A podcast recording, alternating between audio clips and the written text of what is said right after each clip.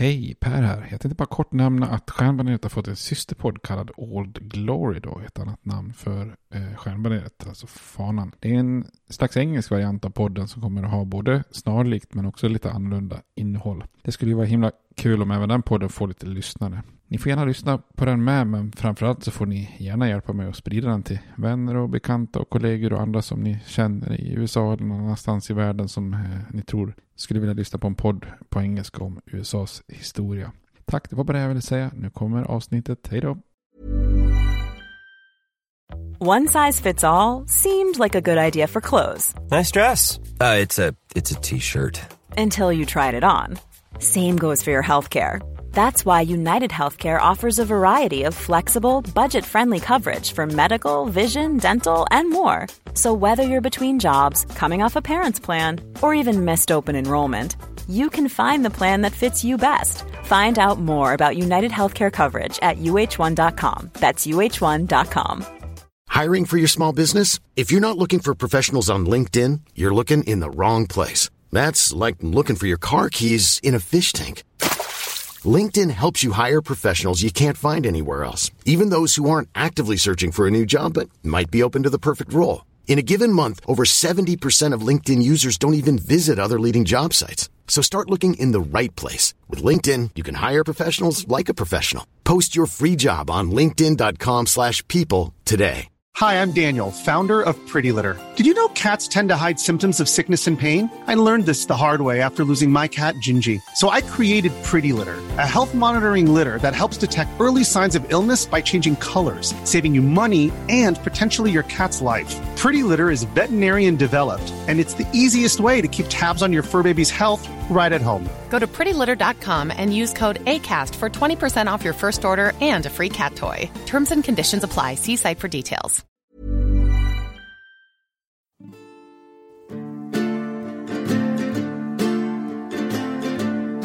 We hold these truths to be self-evident, that all men are created equal, that they are endowed by their Creator with certain unalienable rights, that among these are life, liberty, and the pursuit of happiness. Now we are engaged in a great civil war, testing that government of the people, by the people, for the people, shall not perish from the earth.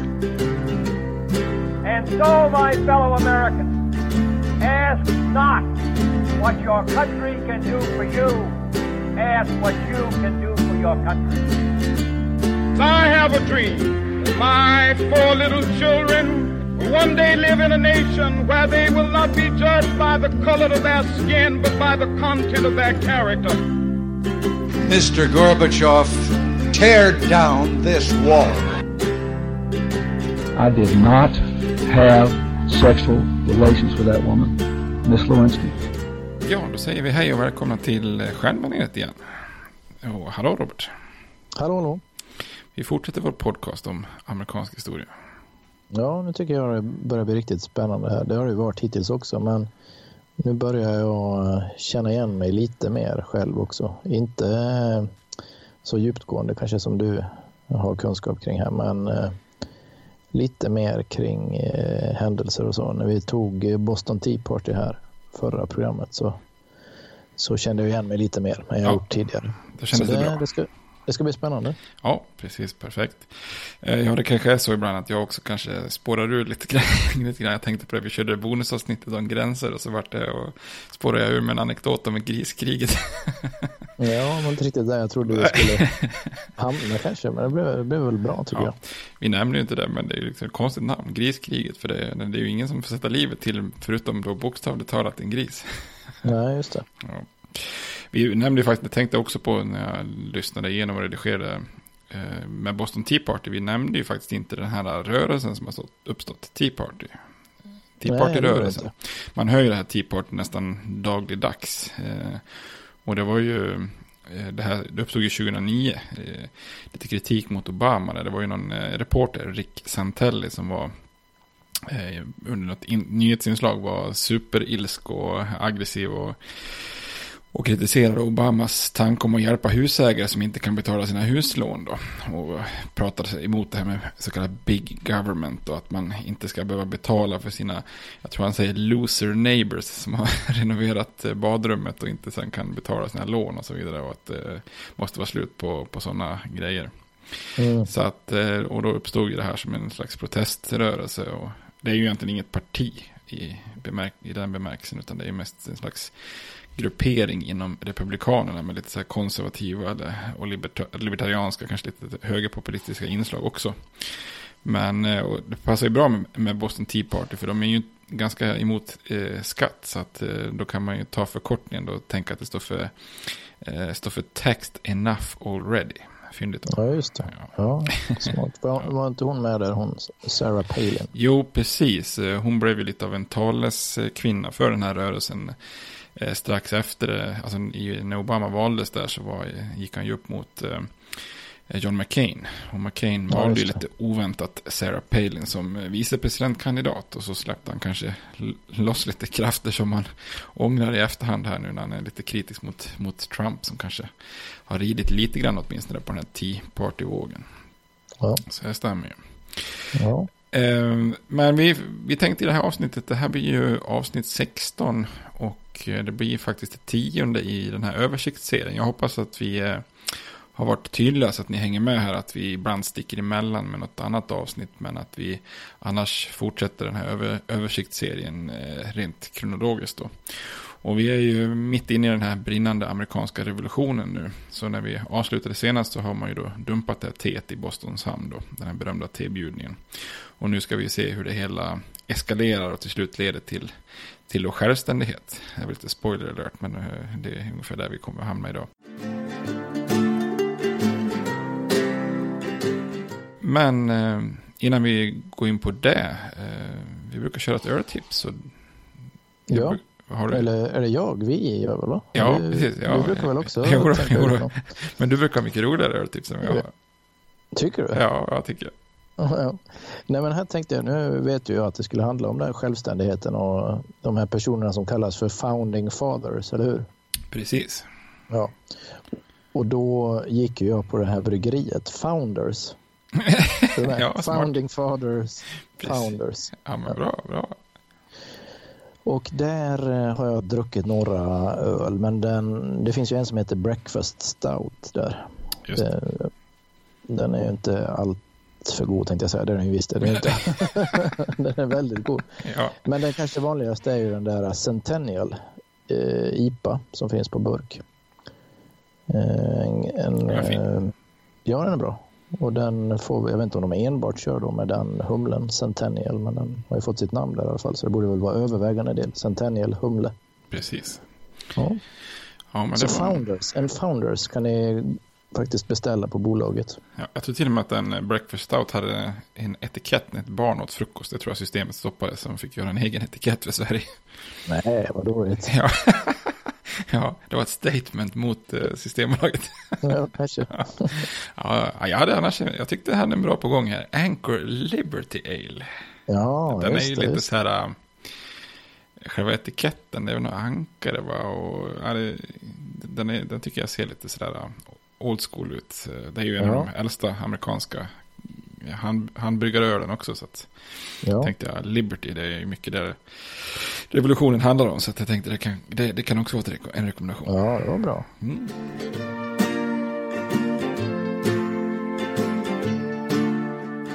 Ja, men bra. Men ska vi hoppa in då här? Eh, vi, I förra avsnittet så såg vi hur de här uh, kolonierna hade protesterat eh, vid ett par tillfällen mot, eh, mot de här lite hårdare tagen inom det brittiska imperiet. Här. Först börjar man med den här stämpelskatten eh, som, eh, som vi pr pratar om. Som eh, man skulle stämpla på alla dokument här. Och det är faktiskt egentligen en slags föregångare. Så gjorde man ju tidigare innan det fanns frimärken. Det nämnde vi inte heller. Men det, det, frimärken underlättar ju att man slipper stämpla till exempel. Så det är en gammal grej.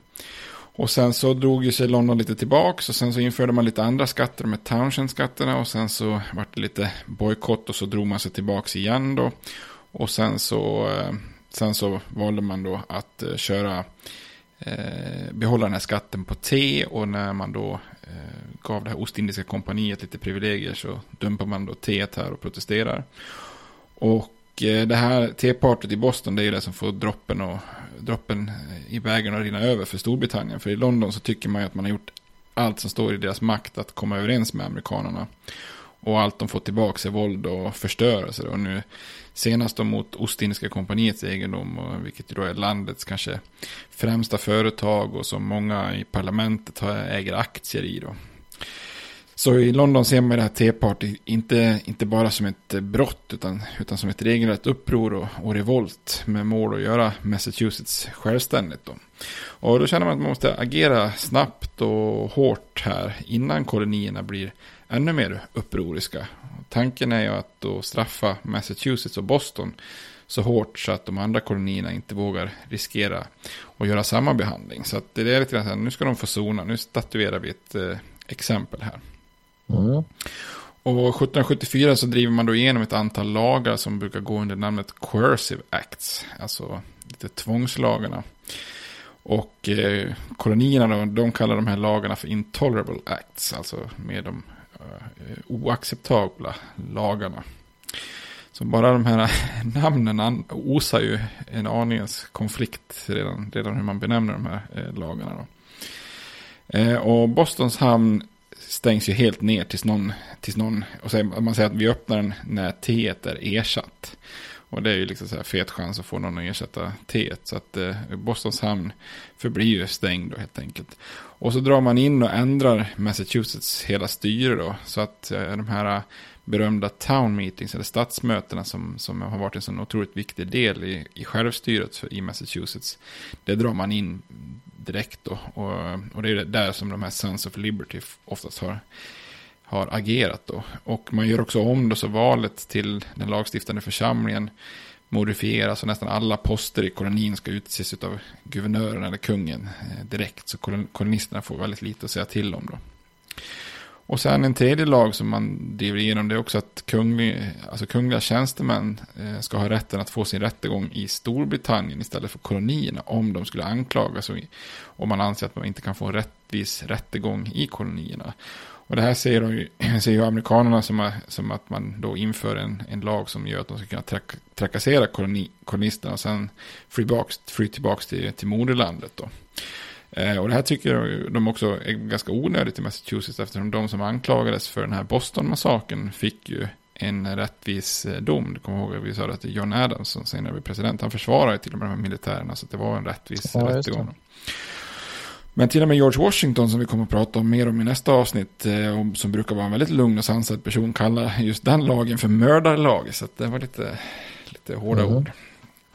Eh, och sen så driver han också igenom en hårdare inkvarteringslag, alltså som gäller för samtliga kolonier, eh, som betyder att de här lagstiftande församlingarna, man tycker inte de har samarbetat, så att nu, nu är det liksom ta emot och försörj de brittiska trupperna, punkt. Liksom, det finns inga alternativ då. Sen utöver de här fyra lagarna så utser man också, man byter guvernören då, Hutchinson. Man byter ut honom mot general Thomas Gage och skickar 4000 trupper till Boston då. Och det är såklart en, bara att de utser en general till guvernör är ju liksom ett statement att nu ska det bli ordning och reda här.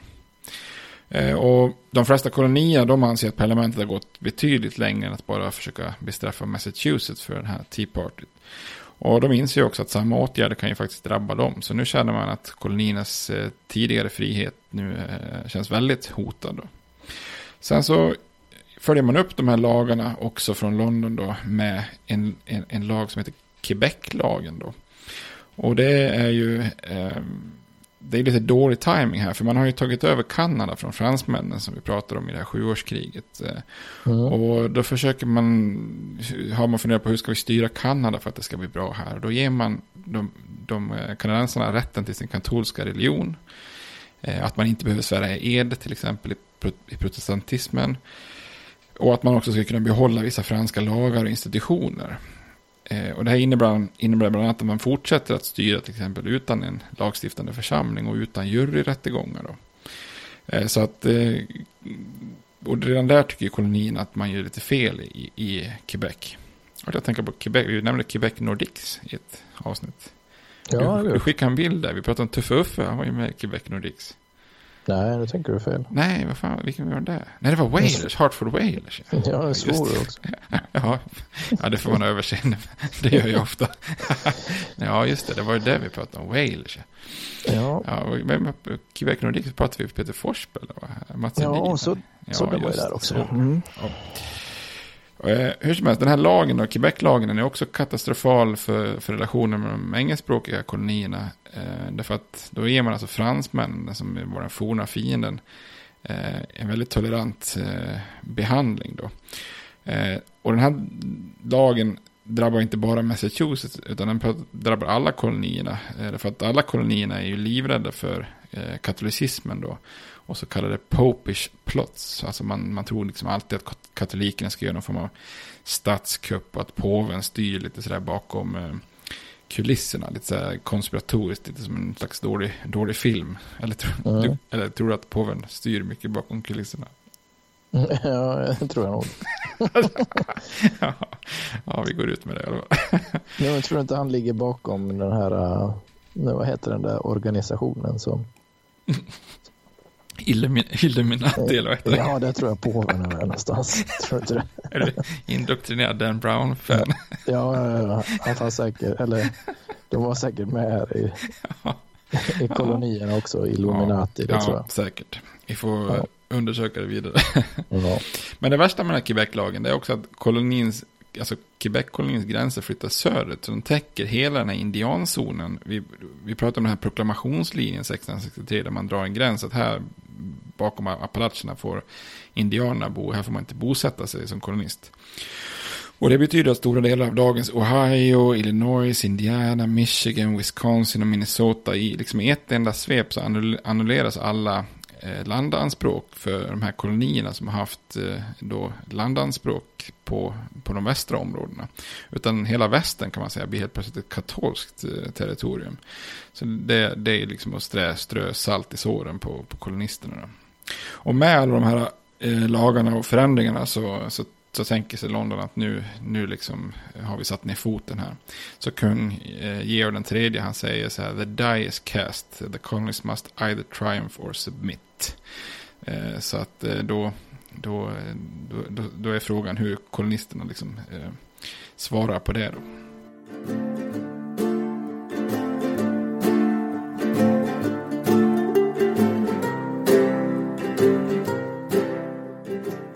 Undrar om, är, om de är nervösa där i London nu eller om de är ganska självsäkra så här att nej men nu har de fått vad de tål. Nu har vi styrt upp allt här igen. Eller så tänker de så här att nej, vi får testa hur långt vi kan gå. Vi, vi testar nu, vi får se vad som händer. Det får bära eller brista. Ja, jag tror de är ganska självsäkra. De är ju bland annat rätt så eh, självsäkra på just arméns förmåga. Eh, att, eh, att man har en otroligt bra flotta armé och, och tänker att skulle det kunna bli strider så ligger vi, ligger vi bra till. Mm. Eh, sen ska, som vi kommer att se så, så finns det ju andra parametrar som spelar in. Men jag skulle gissa på, på din fråga att de känner sig hyfsat säkra i alla fall. Men det är lite splittat också som vi kommer komma till. Det finns vissa som verkligen inte tycker att det här är, är rätt väg att gå då. Och kolonierna de vägrar ju underkasta sig det här. För att de här intolerable acts går ju emot all tradition i engelsk kolonisering. Eh, och nu med den här Quebec-lagen så, så står ju helt plötsligt britterna för allt det som kolonisternas tidigare fiender, fransmännen, stått för. Så tärningen är verkligen kastad. Så Thomas Jefferson som ju är en känd, känd revolutionär och figur i USAs historia, han sätter sig ner och skriver ett dokument som heter A Summary View of the Rights of British Americans. Eh, och den blir väldigt välskriven så han blir lite grann en ledande talesman för, för koloniala rättigheter. Eh, och i texten då så fördömer han parlamentet hårt och försvarar Massachusetts. Då.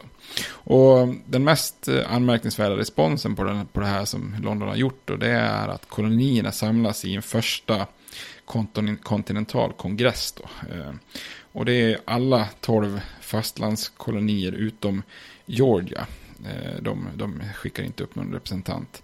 Eh, och heller inte, och som vi, vi, nämnde tidigare när vi pratade om grundandet av kolonin, så Georgia grundas ju väldigt sent. Så att de är lite mm. instabila, får ganska mycket bidrag från London, så att det kanske är naturligt att de inte ansluter just här. Då. Men man samlas i Philadelphia 1774 för en kongress där man ska enas om motåtgärder. Så man träffas där i Carpenters Hall, en byggnad man fortfarande kan besöka idag om man är i Philadelphia.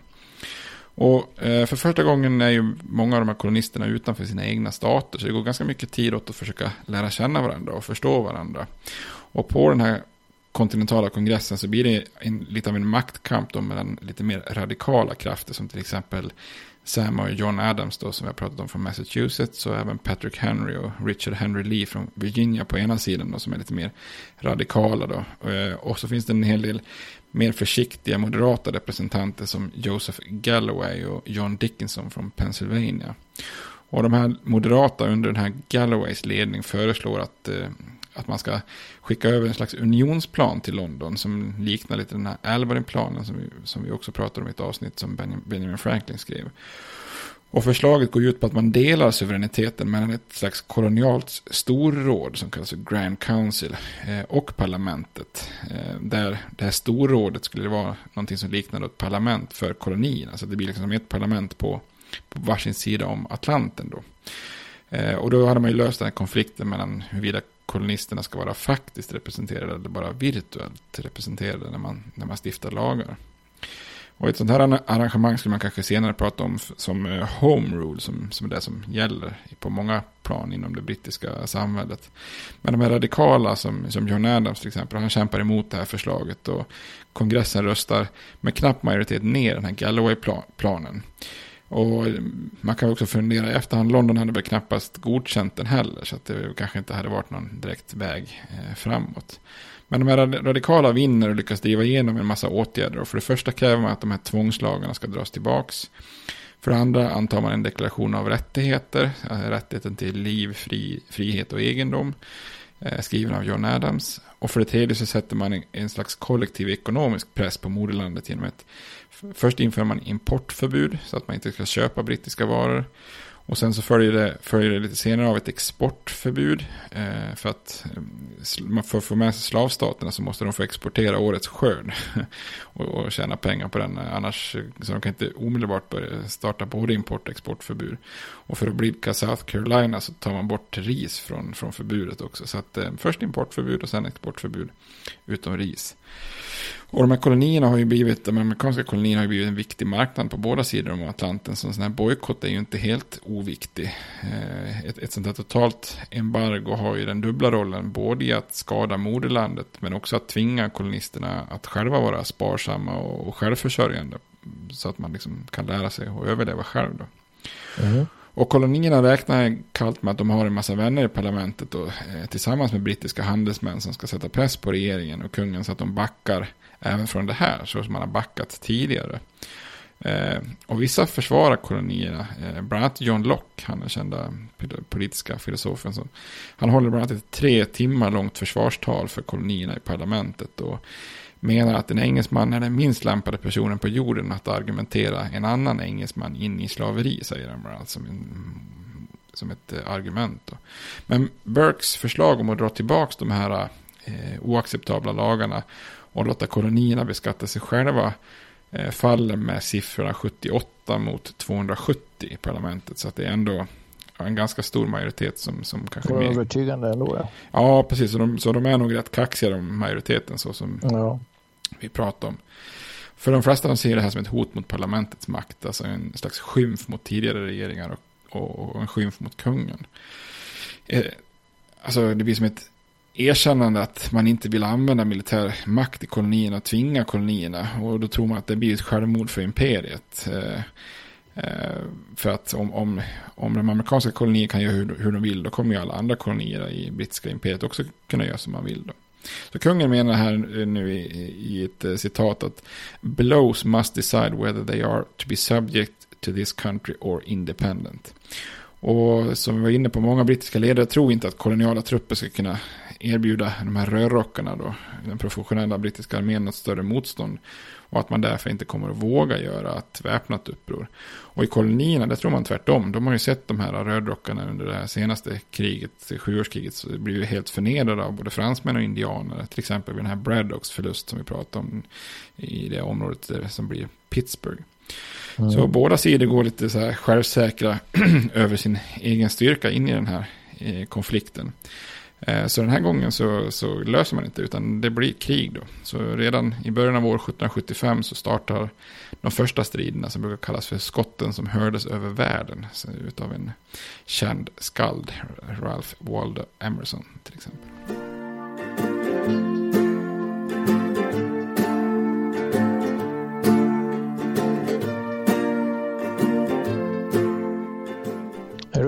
Massachusetts då som det startar också? Eller? Ja, precis. Det är exakt det. det är den 18 april 1775 så skickar den här General Gage då, som har tagit över som, som guvernör, generalguvernör i, i Massachusetts. Så skickar han tusen man då, så här rödrockar. Och tanken är att beslagta vapen och ammunition i en liten ort som heter Concord, en bit väster om, om Boston. Och trupperna, de här trupperna har också i uppdrag att försöka fånga de här revolutionärerna, Samuel Adams och John Hancock, som gömmer sig utanför staden. Och, men de här, de varnas då, eh, och det är en berömd rytt av en eh, silversmed som heter Paul Revere, som, eh, som liksom rycker ut där i natten och rider en båge runt. Ja, just det, de har sett. Rödrockarna kommer, rödrockarna kommer. Ja, precis. Jag tror att det, just hans, den här Paul Reveres rytt har, det är jättemycket myter och finns med mycket dikter och, och ja. sådana saker. Och då rycker ju Massachusetts-männen ut här. Det, det, finns ju minutmän kallas de för. Det är en slags milistrupper. Milistrupper är ju amerikanernas liksom försvar. Och minutmän är sådana som ska kunna rycka ut eh, snabbt. Och så de springer ut med sina musköter och eh, samlas vid en liten ort som heter Lexington. Eh, och där står man då en liten amerikansk styrka uppställda när britterna kommer marscherande.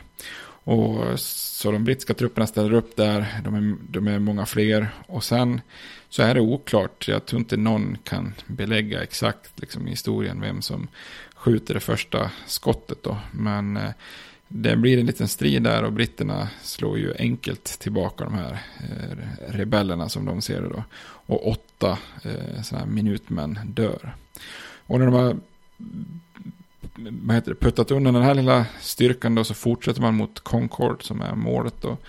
Eh, men när man kommer dit så blir man, börjar man bli attackerad av allt fler eh, milismän och privat beväpnade som har ryckt ut till kolonins försvar. Då.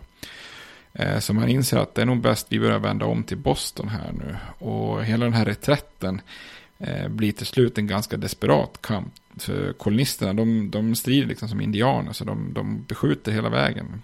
Tillbaka till Boston så ligger de i buskarna och skogarna och pepprar på de här brittiska trupperna. Så att eh, innan, de här, det var ju tusen man ungefär som marscherade ut och innan man är tillbaka i Boston så har man faktiskt förlorat 300 man. Så det är ju en förlust mm. på 30 procent, så det är ju inte helt, helt obetydligt. Mm. Och då samlas ju då koloniala trupper och kommer män från både Massachusetts, New Hampshire, Connecticut och Rhode Island och hela, hela New England-regionen. Dyker upp och börjar helt enkelt belägra Boston och stänger in General Gage och de brittiska trupperna i Boston. Eh, så man kan ju verkligen säga att kriget är igång här. Britterna ockuperar eh, Boston, eh, ockuperar Boston och amerikanerna belägrar Boston. Och eh, när brittiska förstärkningar anländer så, så försöker britterna också gå till, till motattack för att inta en, en höjd som är ganska viktig precis utanför Boston. Eh, det brukar kallas striden vid Bunker Hill, men den, den höjden som man strider om egentligen det är Breeds Hill. Eh, och den 16 juni 1775 då så slår britterna tillbaka amerikanerna, men det krävs tre anfall för att slå tillbaka och inta den här höjden. Så det är ganska tuffa strider. Och man förlorar tusen man, eh, britterna, eh, mot 300 för amerikanerna. Så att det här är en riktigt sån här eh, tankeställare för, för britterna. Att det ska det vara så svårt att slåss mot de här amerikanerna, det verkar märkligt. Så det är lite sån här pyrrusseger, att man förlorar mer än vad man vinner.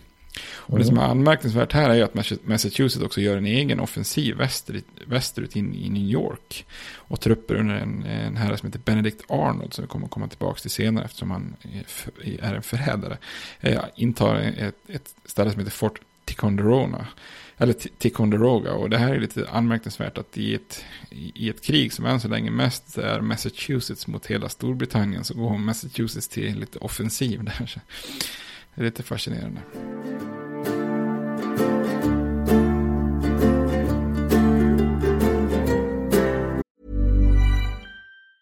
Hey, it's Ryan Reynolds, and I'm here with Keith, co star of my upcoming film, If, only in theaters, May 17th. Do you want to tell people the big news?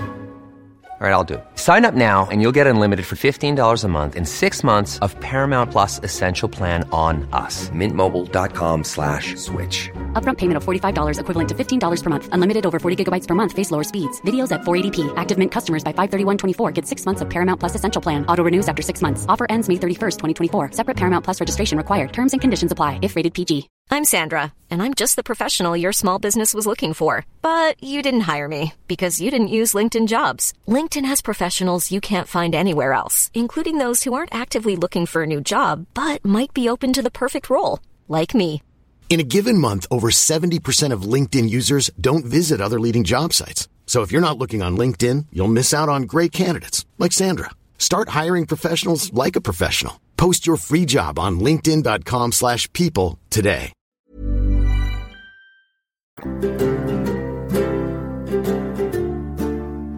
Men kriget är igång då, men man har inte förklarat sig självständiga än här. Du sa eh, amerikaner mot britter, men de är ju inte amerikaner än egentligen. De är kolonister fortfarande på något sätt, eller?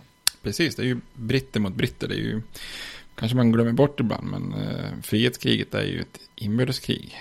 Eh, men just ordet inbördeskrig är lite upptaget för eh, Eftersom man har det stora inbördeskriget sen i, i USA. Men precis som det är amerikaner mot amerikaner i, i inbördeskriget så är det här engelsmän mot engelsmän. Så att det är ju ett, ett, ett inbördeskrig. Men nej, och det här är lite förvirrande då. Alltså det är ju krig. Man är ju igång med kriget men man har ju ändå inte förklarat sig självständigt.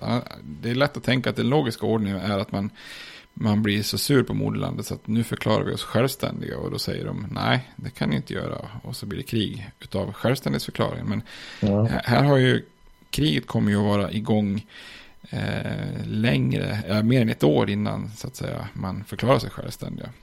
För man har bestämt då att eh, när man bryter upp den här första kontinentala kongressen så har man bestämt att man ses igen om ett år för att eh, diskutera hur utvecklingen har gått och och vad man kanske ska göra i det läget. Så i maj 1775 eh, när kriget redan är igång så samlas man igen och då blir det ju ganska avgörande frågor här. Vad, vad ska man i kolonierna göra nu? Kan man försonas med, med moderlandet och i så fall på vilka vir, villkor? Och om vi nu bryter oss loss då, kommer vi att klara det? Eller vad, vad ska hända med kolonierna då? Om vi inte är en del av det brittiska imperiet, vad 17 är vi då? Så, men när man träffas då, det första man får göra det är att ta hand om kriget. Det är ju en praktisk eh, prioritet. Ehm, och man skapar då en så kallad kontinental armé, alltså en slags gemensam eh, armé då för kolonierna. Eh, utöver de vanliga milistrupperna och eh, som kongressen då ska ansvara för.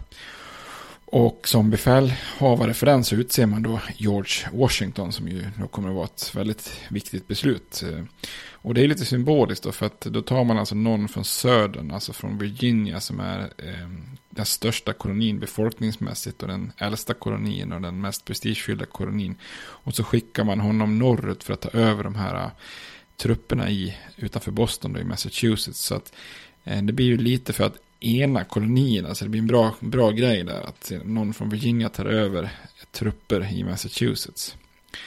Ja. Eh, och han är lite rolig i Washington för han, han, han säger att han söker inte det här jobbet men han är den enda som dyker upp på kongressen i uniform så man kan ju fundera på om han inte var lite småsugen på att få det här jobbet i alla fall. Då.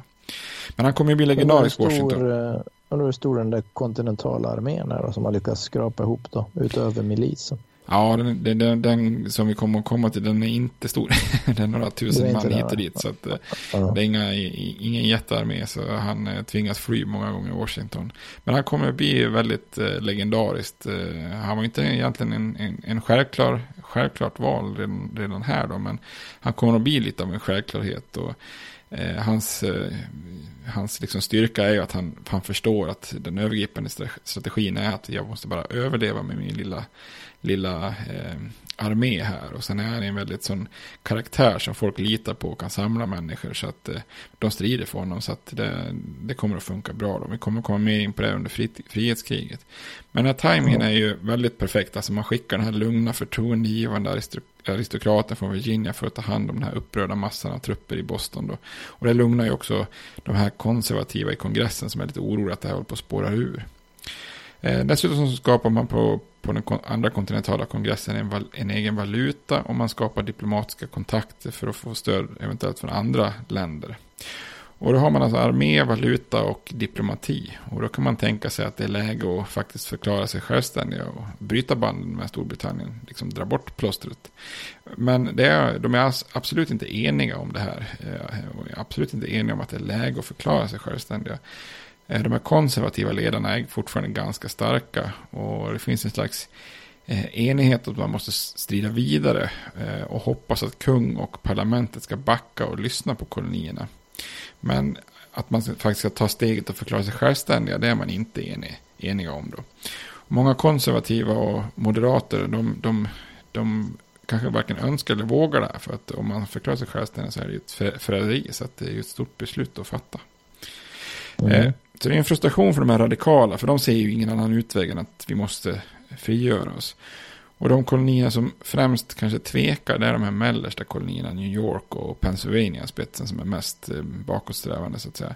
Medan New England-kolonierna är ju de kanske mest radikala och även de mest drabbade eftersom det är där den brittiska armén finns och har intagit Boston. Eh, och i södern så är det ju från början lite delade meningar men men sen händer en händelse där när, när man börjar liksom ta över makten från de här guvernörerna. Och, och i Virginia så är det en, en, person som heter Lord Dunmore som är guvernör. Och i ett desperat försök att behålla makten där så deklarerar han att alla slavar som, som slåss för kungen ska vinna sin frihet. Och det här är lite Sörens värsta mardröm. Att, att slavarna ska slå sig fria och göra slavuppror eh, samtidigt. Då.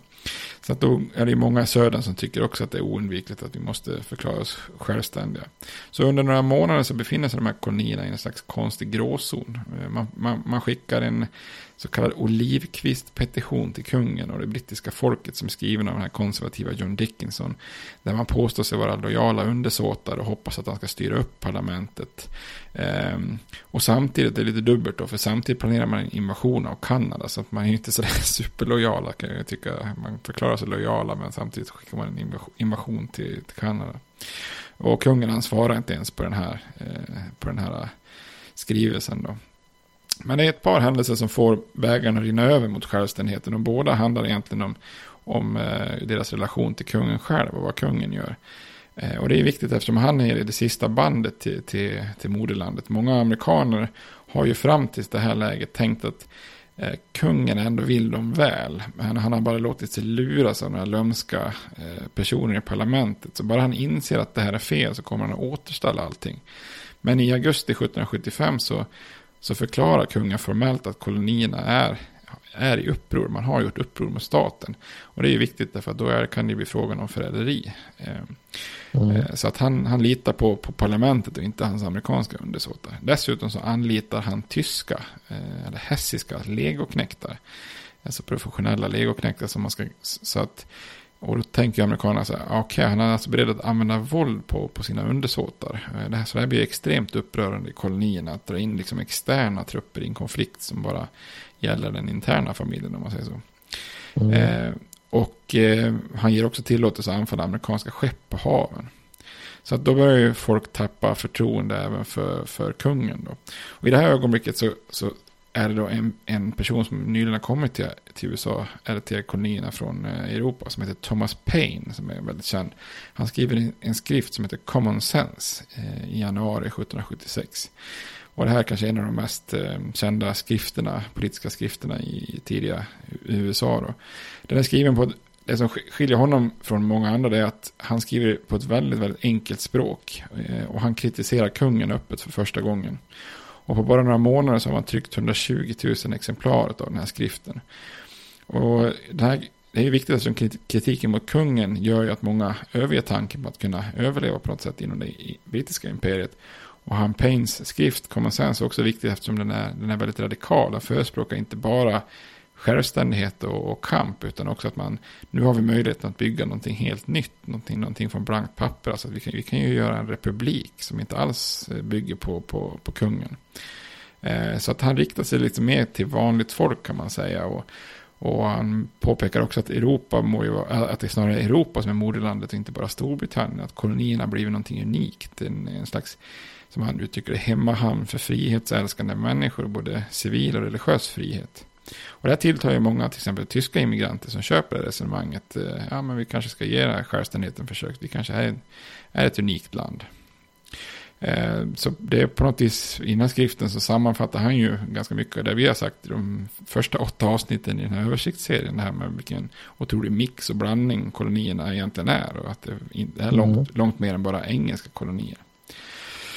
Så till slut då, den, den 7 juni 1776 så föreslår en av de här radikala, Richard Henry Lee från Virginia, att eh, med de kända orden att these colonies are and of right ought to be free and independent states.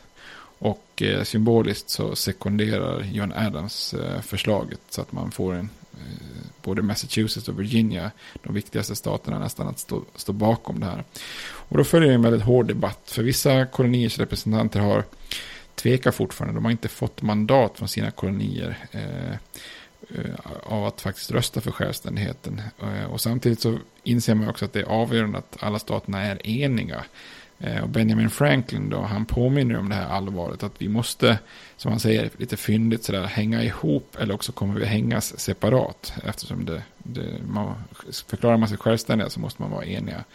Eh, mm. Eftersom det är förräderi då. Men de här moderata, de jobbar ju väldigt mycket i motvinden. För i praktiken så är ju landet redan självständigt. Och en sak som är anmärkningsvärt, som vi nämnde redan i det här avsnittet om eh, New England-kolonierna, det är ju att Rhode Island redan har förklarat sig självständiga i den 4 maj. Så den lilla staten har ju redan brutit banden själv på något vis. Och ett väldigt viktigt steg är ju när Pennsylvanias delegation ger sitt klartecken att rösta för självständighet. Och där kan man också nämna att ordförande i den delega delegationen med avgörande röst, röst, det är en kille som heter John Morton. Och Morton, han är faktiskt svenskättling. Så han, han härstammar från finska utvandrare som kom till nya Sverige, den här kolonin på, som Sverige hade på 1600-talet. Ja. Som man kan höra mer om i avsnitt eh, sju om de mellersta kolonierna. Tycker jag är ett av våra bättre avsnitt faktiskt när vi pratar om eh, New York, New Jersey, Pennsylvania, Delaware och Nya Sverige och Nya Holland och de här. Även avsnitt fem när vi pratar om New England. Men det konstiga är att det, det verkar som att det är minst nedladdade avsnitt. Faktiskt. Så det, är det de som är som har minst nedladdade? Ja, ja utav de här eh, koloni, koloniavsnitten. Ja, så, ja. så, vi kan rekommendera avsnitt 5 och avsnitt 7. De är, de är grymma. Ja. Men det här är John Morton. Då. Morton det är en omskrivning från Mortensson. Och han, John Morton han har många faktiskt höga poster i Pennsylvania. Så att det är en svensk ättling från Nya Sverige-kolonin som är en av de 56 legendariska revolutionärer som sen skriver under självständighetsförklaringen. Och i slutet av juni så har man röster för att driva igenom självständigheten. Men man inser att det, här, det är ju så viktigt att vi är eniga i ett sånt här avgörande beslut. Så att eh, man avvaktar till, till den sista kolonin New York har att deras delegater får klartecken. Men när New York också får klartecken då är alla kolonier eh, redo att rösta för självständigheten. Så att den 2 juli så röstar man igenom självständigheten och förklarar sig självständiga. Okay. Och det är lite lustigt för nu, 2 juli är ju inte 4 juli som är nationaldagen. Så det kan vara lite förvirrande. Nej, det, det är helt rätt. 2 juli är inte 4 juli. Nej, vad bra fakta, kolla. Ja. Andra är inte fjärde. Nej, mm. men, och det är roligt för till exempel John Adams. Han skriver ju hem till sin fru här i ett brev att den 2 juli kommer alltid att firas som den dagen vi förklarar oss självständiga. Så, så han, är, han är fel ute. Eh, så mm. man får förklara varför blir det den fjärde. Jo, man anser då att det här självständighetsbeslutet är så pass viktigt att man måste på något vis förklara för både den egna befolkningen och också för, för världen att eh, varför man förklarar sig självständiga och motiverar det här. Så att man har satt ihop en liten kommitté som får i uppdrag att författa en självständighetsförklaring. Eh, och den är ju främst då skriven av, av Thomas Jefferson. Och, och, det är först den 4 juli, två dagar senare, som man antar den, den sista versionen av den här självständighetsförklaringen. Så att eh, Ska man, vara, ska man vara kink eller noggrann så tycker jag det borde vara 2 juli som firas för det var då man röstade igenom självständigheten. Men eh, den fjärde antog man bara egentligen det här dokumentet. Ja.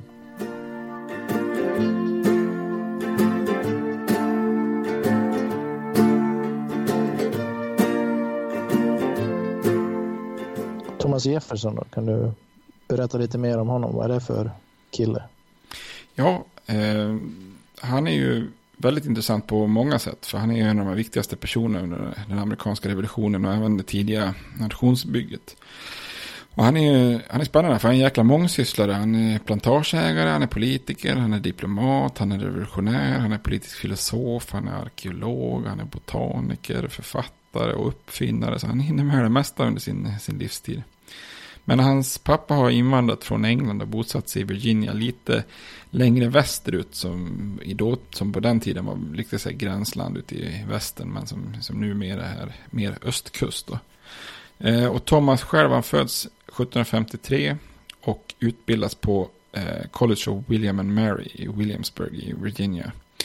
Där det sägs att han var en väldigt framgångsrik elev och eh, lite av en bokmal. Eh, jag såg en uppgift där det stod att han normalt sett pluggade 15 timmar, övade fiol 3 timmar och så sov han 6 timmar.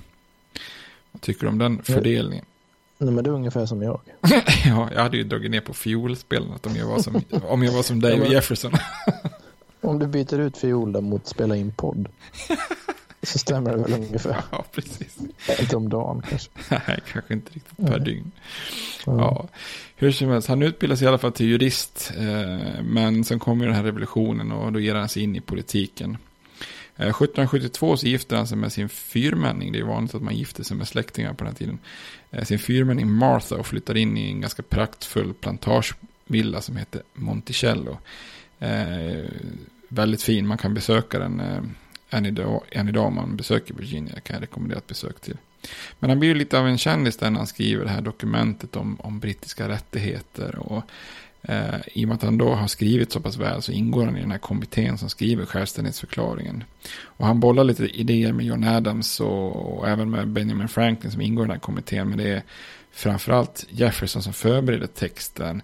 Men sen så debatteras den i kongressen så man ändrar ungefär en femtedel av texten. Så, så på den tiden så såg man det som kongressens verk. Men nu är det väldigt känt som att det är Thomas Jefferson som ensam skrev eh, självständighetsförklaringen.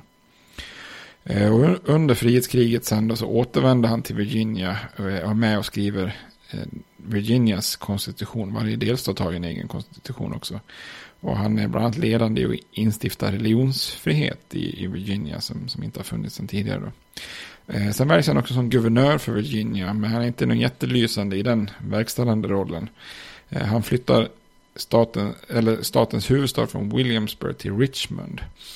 Eh, som, som det ju är än idag. Och Richmond blir ju också sydstaternas huvudstad under inbördeskriget. Eh, men eh, brittiska trupper kommer dit och han, de lyckas inte försvara stan. Så att eh, han hinner knappt fly själv. Håller på att bli tillfångatagen och så, så bränns staden ner. Eh, och eh, 1782 här mitt under revolutionen så, så dör hans fru 33 år gammal. Och på dödsbädden så lovar han faktiskt att aldrig någonsin gifta sig med någon annan. Eh, och det här livet är ju hårt på den här tiden för att även ett par döttrar, ja, hans döttrar dör väldigt ungt eh, precis innan frun dör. Så att det är inga, inga lysande tider där. Så under en liten period där så undviker han sitt hem i Virginia. Först tjänstgör han i den här kontinentala kongressen. Eh, där han är väldigt ledande och i, i de lagar som styr de västra territorierna. Alltså hur ska ter territorier organiseras, hur ska de styras, hur ska de bli stater. Vi gick igenom det i det här lilla bonusavsnittet eh, med ter territorier och stater och så vidare. Ja, och det, det, är Jefferson som ligger bakom de där bitarna. Sen accepterar han ett erbjudande om att efterträda Benjamin Franklin som sändebud i Paris. Eh, och där har han faktiskt en liten kärleksaffär med en kvinna, men han, han gifte sig aldrig med, med någon annan. Och när han kommer tillbaka från Paris då blir han ju landets första utrikesminister i Washingtons regering. Och där så för han ju också en väldigt ideologisk kamp mot Alexander Hamilton som vi också har nämnt i, i avsnittet där när han blir skjuten. Eh, ja, kring den ekonomiska politiken och den här konflikten mellan eh, Jefferson och Hamilton det är ju egentligen det som läggs till, lägger grunden för det första politiska systemet och de första politiska partierna. Eh, där Jeffersons anhängare kallas för de demokratiska republikanerna. Och 1796 så blir han ju vicepresident i det här ganska udda valet som vi också nämnde. Där han egentligen står emot. Eh, han är egentligen opposition till president John Adams men, men blir vicepresidenten. Och 1800 då eh, så blir han landets tredje president. Så att han är ju, Jefferson är, är den tredje presidenten. Och det kommer vi att prata mer om eh, framöver här. Men trots alla de här centrala politiska uppdragen så hinner han ju också mycket annat. Alltså han gillar att studera växter och uppfyra uppfinningar och jordbruksexperiment. Så det är ju han som, som president startar den här berömda Lewis och Clark-expeditionen med de som hittar vägen till Stilla havet. Och som uppfinnare så sägs han vara den första som har gjort en snurrstol, alltså en sån här kontorsstol som snurrar. Och han har också experimenterat med, experimenterat med att göra vapen med utbytbara delar. Det är ju någonting som kommer sen med industrialiseringen. Och han är också väldigt lärd och beställer ju otroligt mycket böcker. Så han är ju lite av en idol för mig. Där. Alltså, han har bokmal och läser mycket mm. böcker. Så att här, i den aspekten är han ju en, en bra idol.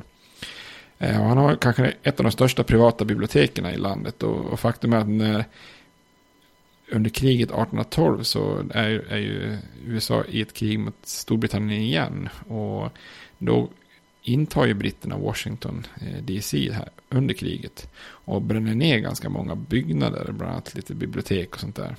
Så när de ska bygga upp Washington igen där så skänker han hela sin boksamling. Eh, så att det blir ett nytt bibliotek.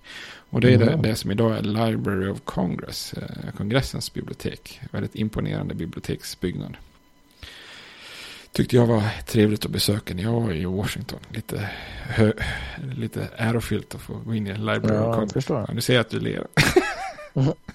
Men det kan ju inte nu för tiden enbart vara hans böcker där, eller? Måste ha fyllts på genom åren, eller?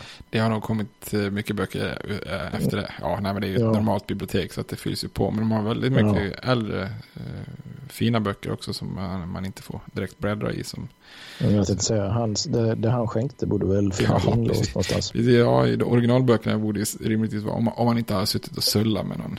Han bryggde ja. ju öl där på Monticello så han kanske har sullat med lite öl i böckerna. Sen, vissa kanske inte är så Alltså vad heter det? Så, så vackra. Mm. Ja, nu spekulerar jag fritt. Men ja. eh, jag hyllar ju Jefferson där, men Jefferson har ju också en väldigt mörk sida, för han är ju en stor slavägare hela sitt liv. Han äger ju över 600 slavar.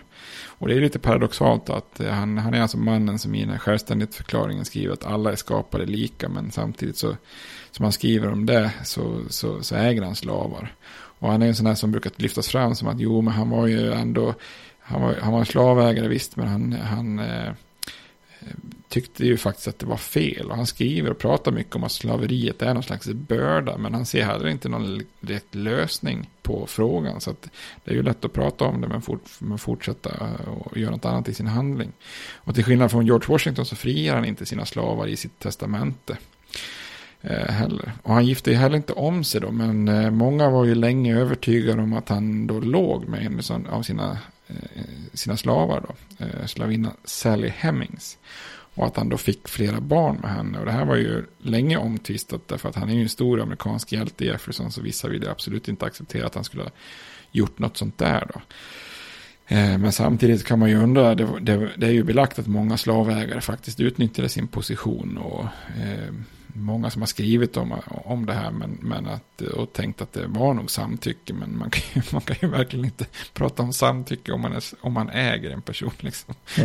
Och, och det, man kan ju eventuellt känna sig eh, tvingad till, till att ha sex som, som slav när, man, när ägaren gör, eh, gör liksom, eh, eller vill det. Men eh, man gjorde till slut faktiskt år 2000 ett eh, DNA-test på eh, ättlingar till både Jefferson och Sally Hemmings. Då. Och eh, då visade det att det med, med, med, hög trolighet är Jefferson som var pappa till hennes barn. Så att det, nu, numera kan man nog nästan säga att det är belagt att, att han faktiskt eh, hade sex med henne. Ja. Eh, en annan sak man kan nämna med Jefferson det är att han är ju också väldigt nära vän med John Adams eh, från Massachusetts. Och länge under revolutionen så är de ju riktigt goda vänner. Men sen då efter revolutionen med uppkomsten av de här politiska partierna så hamnar de ju på varsin sida om de här politiska striderna. Och det gör att de blir så pass mycket ovänner att de bryter kontakt, kontakten med varandra. Och sen så har man, pratar man ingenting eller man skriver inga brev eller har ingen kontakt under jättemånga år. Men sen på ålderns höst så, så börjar de här två gubbarna brevväxla igen. Och det som är spännande med det här det är att det är så sjukt för att både John Adams och Thomas Jefferson, två av de mest kända där under från revolutionen, båda två dör den 4 juli, alltså på självständighetsdagen eh, 1826. Vilket också då blir exakt 50 år efter självständighetsförklaringen. Så båda dör exakt den dagen på 50-årsjubileet från självständighetsförklaringen. Eh, och Adams lär ha sagt på dödsbädden att han är glad att Jefferson ändå lever när han, nu när han går bort. Eh, men då, hade, då visste han, han inte om då att Jefferson hade dött några timmar innan. Mm. Så det är ett jävla konstigt sammanträffande att båda dör ja, exakt på, på dagen 50 år efteråt. Man kan också nämna Jeffersons gravsten tycker jag. För han, han gav ju tydliga instruktioner på vad han ville att det skulle stå på sin gravsten. Eh, och det var de, de tre sakerna han var mest stolt över att han har gjort i livet. Och Eh, på gravstenen står det som, som nummer ett står det självständighetsförklaringen. De är lite direkt numrerade i och för sig. Men det står självständighetsförklaringen, den, den var han stolt över. Eh, och sen Virginias religionsfrihet, att, man, att han drev, drev igenom den var han stolt över. Och sen också då att han har grundat University of Virginia eftersom han tyckte att eh, utbildning var, var bra. Så det här är lite spännande att, att USAs eh, tredje president, han, han, han, tycker inte att, du, att presidentposten var så viktig. Så den fick ingen mm. pallplats. Men det kan man ju börja tänka på. I, idag skulle nog de flesta som varit USAs president tycka att det var en av de viktigaste grejerna i, man har gjort i, åstadkommit i livet. Ja. Men eh, Jefferson han är ju väldigt känd och eh, många håller honom ju högt. Så att eh, han har ju ändå fått en plats på det här Mount Rushmore, vet, de här bergen. Eh, ja. De har huggit ut eh, fyra stycken presidenter. Det är ju Washington, Lincoln och Teddy Roosevelt och Jefferson. Eh, så, och näst efter Washington och Lincoln så är väl också Jefferson Memorial, de här eh, byggnadsverken i huvudstaden Washington, eh, så är väl det mest imponerande. Det är väl Washington-monumentet, det är den där stora obelisken som ligger där mitt i. Och, och Lincoln Memorial är ju ett, ett väldigt stort, eh, stor byggnad, men sen Jefferson Memorial är väl också ganska stor. Så det vittnar ju om att han har varit en viktig, en viktig person. Ja, det här med gravsten vad det ska stå på gravstenen har jag sagt det vad min svär, svärfar vill att det ska stå på hans. Nej. Du känner min svärfar. Ja, jo. Vi har haft honom som idrottslärare. Ja, jag blir, jag blir ganska nyfiken. Ja, han, brukar, han brukar skoja och, och han tycker det ska stå.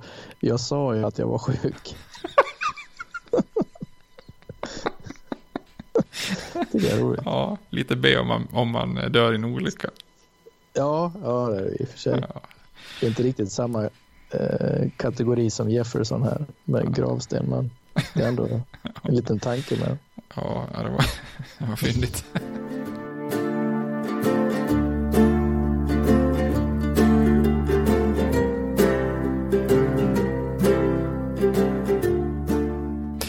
Men ja. eh, om vi återgår till huvudhistorien då så, så Jefferson är ju den som främst kanske då är förknippad med den här självständighetsförklaringen. Även om han inte skriver den ordagrant själv utan det är mycket ändringar också. Då. Men eh, det är de här berömda orden All men are created equal. Eh, det har vi ju med i vårt intro där. Eh, ja, som vi nämnde. Gått i, när var det du gick igenom det? Det var ett avsnitt också. Ja, vilket avsnitt var det? Det kommer jag faktiskt inte ihåg. Kommer du ihåg vem som läste, läste den?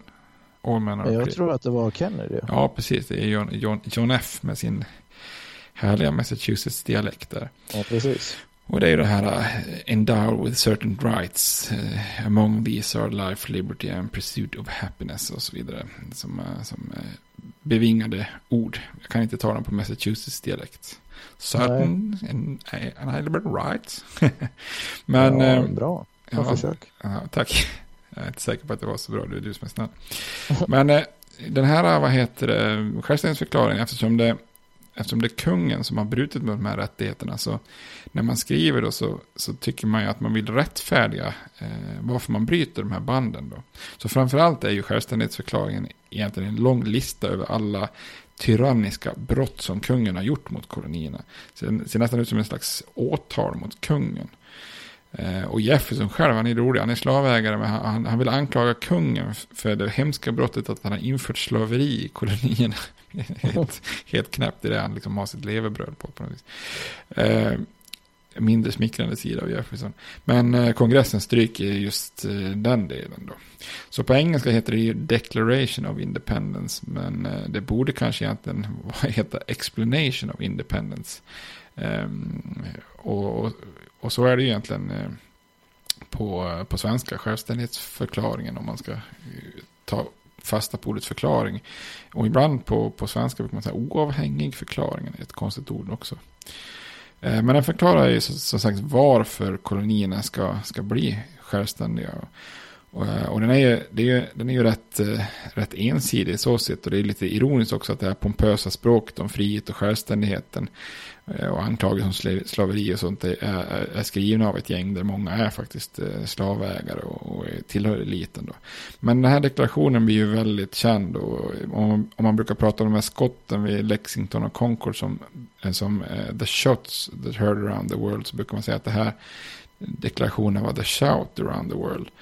Eh, och den skapar ju en väldigt stolthet och en enande kraft här. Eh, och man antar ju den här självständighetsförklaringen den 4 juli vilket då blir nationaldagen som vi nämnde.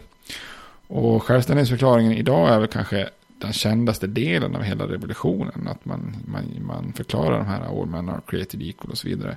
Och många förväxlar ju det med konstitutionen. Konstitutionen, den kända som de fungerar idag, den kommer ju först 11 år senare.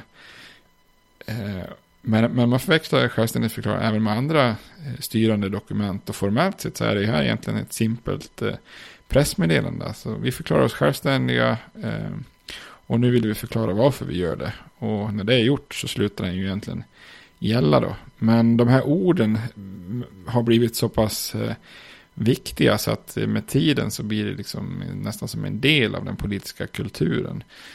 Så att dokumentet blir ju viktigare än att bara vara liksom det här pressmeddelandet.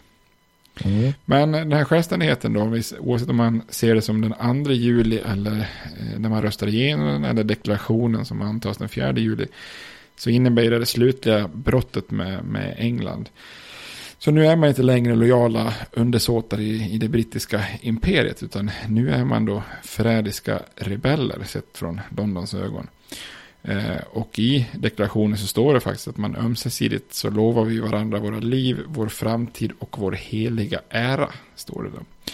Och eh, då har man förklarat sig självständig. Då återstår det egentligen att bara att vinna frihetskriget. Då ska det helt enkelt avgöras om de ska hänga, hänga ihop eller hängas var och en då som Franklin sa. Men mm. det tänkte jag att vi skulle ta eh, i nästa avsnitt.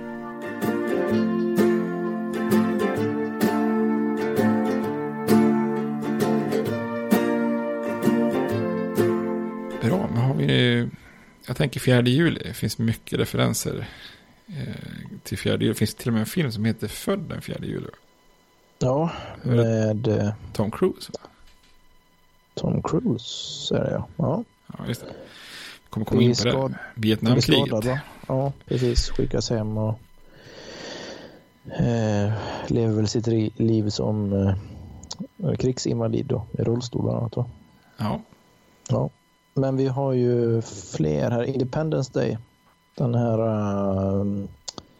äh, filmen när de blir attackerade. USA blir, nej, världen blir attackerad naturligtvis. Ja, av, mest, äh, mest USA. mest USA är det men... mest Will Smith. ja, han är med. Och där håller ju presidenten i filmen håller ju ett tal där som då också är på den 4 juli. Då. Jag tror de här utomjordingarna anfaller den 2 juli och just den 4 juli här så håller han ett tal för då, ska de ju, då har de ju kommit på hur de ska möjligtvis lyckas slå de här Just det. Eh, utomjordingarna. Jävla bra timing av utomjordingarna dyka upp där precis några dagar innan. Ja, ja. det är det. Det är fantastiskt. Ja, men det talet har man sett många gånger. Jag, jag, tror många brukar hålla det som väldigt högt. Så här, även om det är fiktion att det är ett bra. Så ska ett politiskt tal vara liksom. Ja, det kanske man gör. Jag har svårt att ta han skådespelaren på allvar. Heter han inte Pullman? Bill jo, Pullman. precis. Bill, oh, jo, han, ja, han, ja, jag, precis. Jag har också lite svårt för han. Alltså. Men gör inte han lite mer komiska roller annars? Eller jag, jag kan inte riktigt placera honom så. Nej, jag tänkte vad har han gjort för då? Har man sett han i asmånga filmer men Ja. ja. Will Smith däremot då? Om man nu ska säga det på svenska, Will Smith säger man ju då, eller hur? Ja. Annars ska man kanske säga Will Smith. Ja, jag tror jag säger Will Smith. Gör du det? Jag säger nog Smith. Smittan.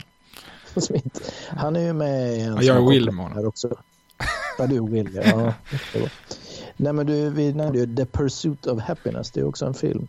Det är en typisk sån ah, här... Just det den amerikanska drömmen-film. jobba sig upp, slita hårt och bara du liksom kämpar på här så kan alla lyckas. Och den är ju, jag är lite svag för sådana här äh, baserad på en sann historia-filmer. Sådana gillar jag. Ja, det är alltid en extra krydda när man vet att det finns någon uns av sanning Ja. bakom. Och det är ju byggd på en, ja, en sann historia med en entreprenör här som heter Chris Gardner. Han från, går från att vara hemlös och försöka ta hand om sin son och äktenskap som har gått i kras och ändå har han en idé som han tror på. Han jobbar sig upp här med ett företag. Ja, för att den var bra. Så där är ju Will med också då. Det kanske blir Will som blir programmets profil eller? Ja, ja Will, Will, Will Smith eller Thomas Jefferson. ja, hugg- hugget stöcket. bet, betytt väldigt mycket för landet. jag. Ja, det har de ju. På olika sätt. Ja, men Bill Pullman går bort. Har du någon annan He- he's- favoritfilm? he's med out. Will. Ja, Bill Pullman är borta. Men om du skulle välja en favoritfilm med Will, om du inte får ta de här två nu som har nämnt. Alltså, jag kan inte komma ifrån det. Jag, jag måste säga serien Fresh Prince i Bel-Air. Jag undrar hur många gånger vi såg den när vi Ja, när vi pluggade. pluggade. Man kom alltid hem från en föreläsning så var det Fr- Fresh Prince. Man tog något mellanmål eller något sånt. Ja, och så efter något kvartal så hade det liksom börjat om igen kändes som. Men nu är det första avsnittet igen. Jag blir glad ändå. rött- Ja. ja, han gjorde ju ett fint porträtt av eh, eh, Muhammad Ali. Ali.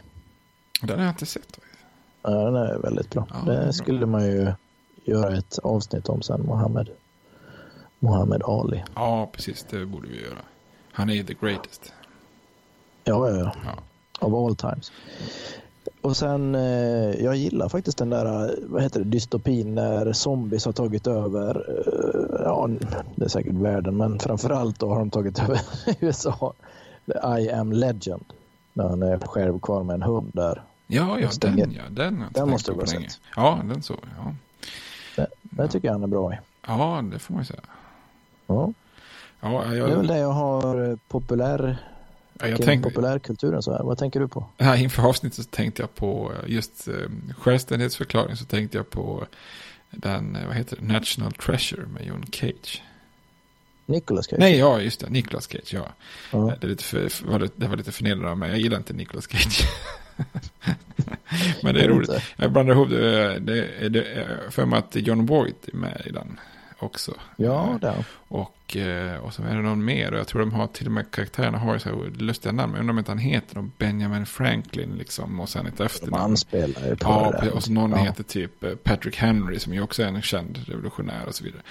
Och, och sen är det ju någon konsthistoria, någon rikedom där från något gammalt Egypten som någon, jag kommer inte ihåg om det är frimurare som har lyckats gömt det i USA. Frimurarna är ju väldigt förknippade. Dan Brown har ju skrivit en bok, många i eliten liksom i USAs historia har alltid tillhört det här frimurarorden. Och, och det till och med har varit så illa så att det fanns ett politiskt parti på 1800-talet, det kan vi komma tillbaka till, som hette Anti-Masonic Party, som alltså anti-frimurarpartiet, där man tyckte att det kanske var mycket beslut som fattades i de kretsarna snarare än de officiella kretsarna, så att man, man var lite konspira- konspirators, eh, konspirationsteoretiskt. Och, och, och jag för mig att, de gömmer någon skatt och så har någon gjort en hemlig karta på baksidan av självständighetsförklaringen och så ska de hitta och grejer. Ja, ska de för, för mig att jag tyckte att den var lite sisådär. Ja, och den har ju också fått några uppföljare. Det blir bara sämre och sämre. än det. Ja, det är sällan uppföljare är bra. Ja. Ja, men det var ju bra. Det finns mycket. eh, Vi har säkert glömt en uppsjö av eh, referenser där. Men, eh, ja, här finns det nog väldigt mycket eh, som är liksom gjort kring just självständigheten. Ja. Men det kanske det kommer väl ännu mer nu i nästa avsnitt om frihetskriget kanske. Ja, precis. Och vi knöt ju, kan knyta ihop säkert. Vi pratade ju om eh, Bruce Springsteen i några av de första avsnitten. Jag hade ju för, förmånen att få eh, gå på den Ullevi-konserten som var för många år sedan. Eh, han spelade ju 3 och 4 juli. Så Ja. vi, vi gick 4 juli och det var rätt eh, alltså, mäktigt. Då öppnade de ju upp med, med Born in the USA liksom, och tryckte på som fasiken redan i öppningen och sa att de skulle celebrate Independence Day med, med, med oss i publiken. Det var, rätt, eh, Ja, det var fint får jag säga. Det var Ja, bra, bra, bra konsert även om jag inte är någon sån här sjuklig Bruce-fan. nej. Ja men vad bra, men då har vi klarat av eh, självständigheten också. Ja, Då får vi Spännande. fortsätta med frihetskriget nästa avsnitt. det gör vi. Bra, men då säger vi hej. Hej. States like these and their terrorist allies constitute an axis of evil. And if the hippies and the yippies and the disruptors of the systems that Washington and Lincoln as presidents brought forth in this country will shut up and work within our free system of government, I will lower my voice. If the impeachment provision in the Constitution of the United States will not reach the offenses charged here, then perhaps that 18th century Constitution should be abandoned to a 20th century paper shredder. Therefore, I shall resign the presidency effective at noon tomorrow.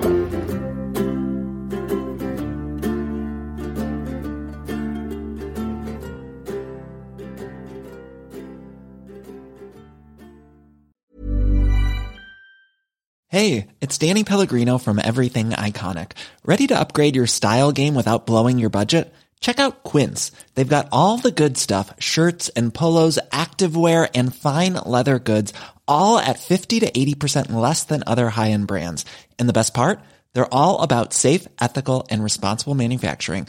Get that luxury vibe without the luxury price tag. Hit up quince.com slash upgrade for free shipping and 365 day returns on your next order. That's quince.com slash upgrade.